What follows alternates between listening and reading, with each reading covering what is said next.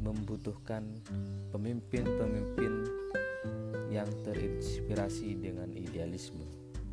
Pemimpin-pemimpin yang dianugerahi visi-visi besar yang memimpikan hal-hal besar dan berusaha keras mewujudkan impian mereka yang mampu menerangi rakyat dengan cahaya yang datang dari jiwa mereka yang membara.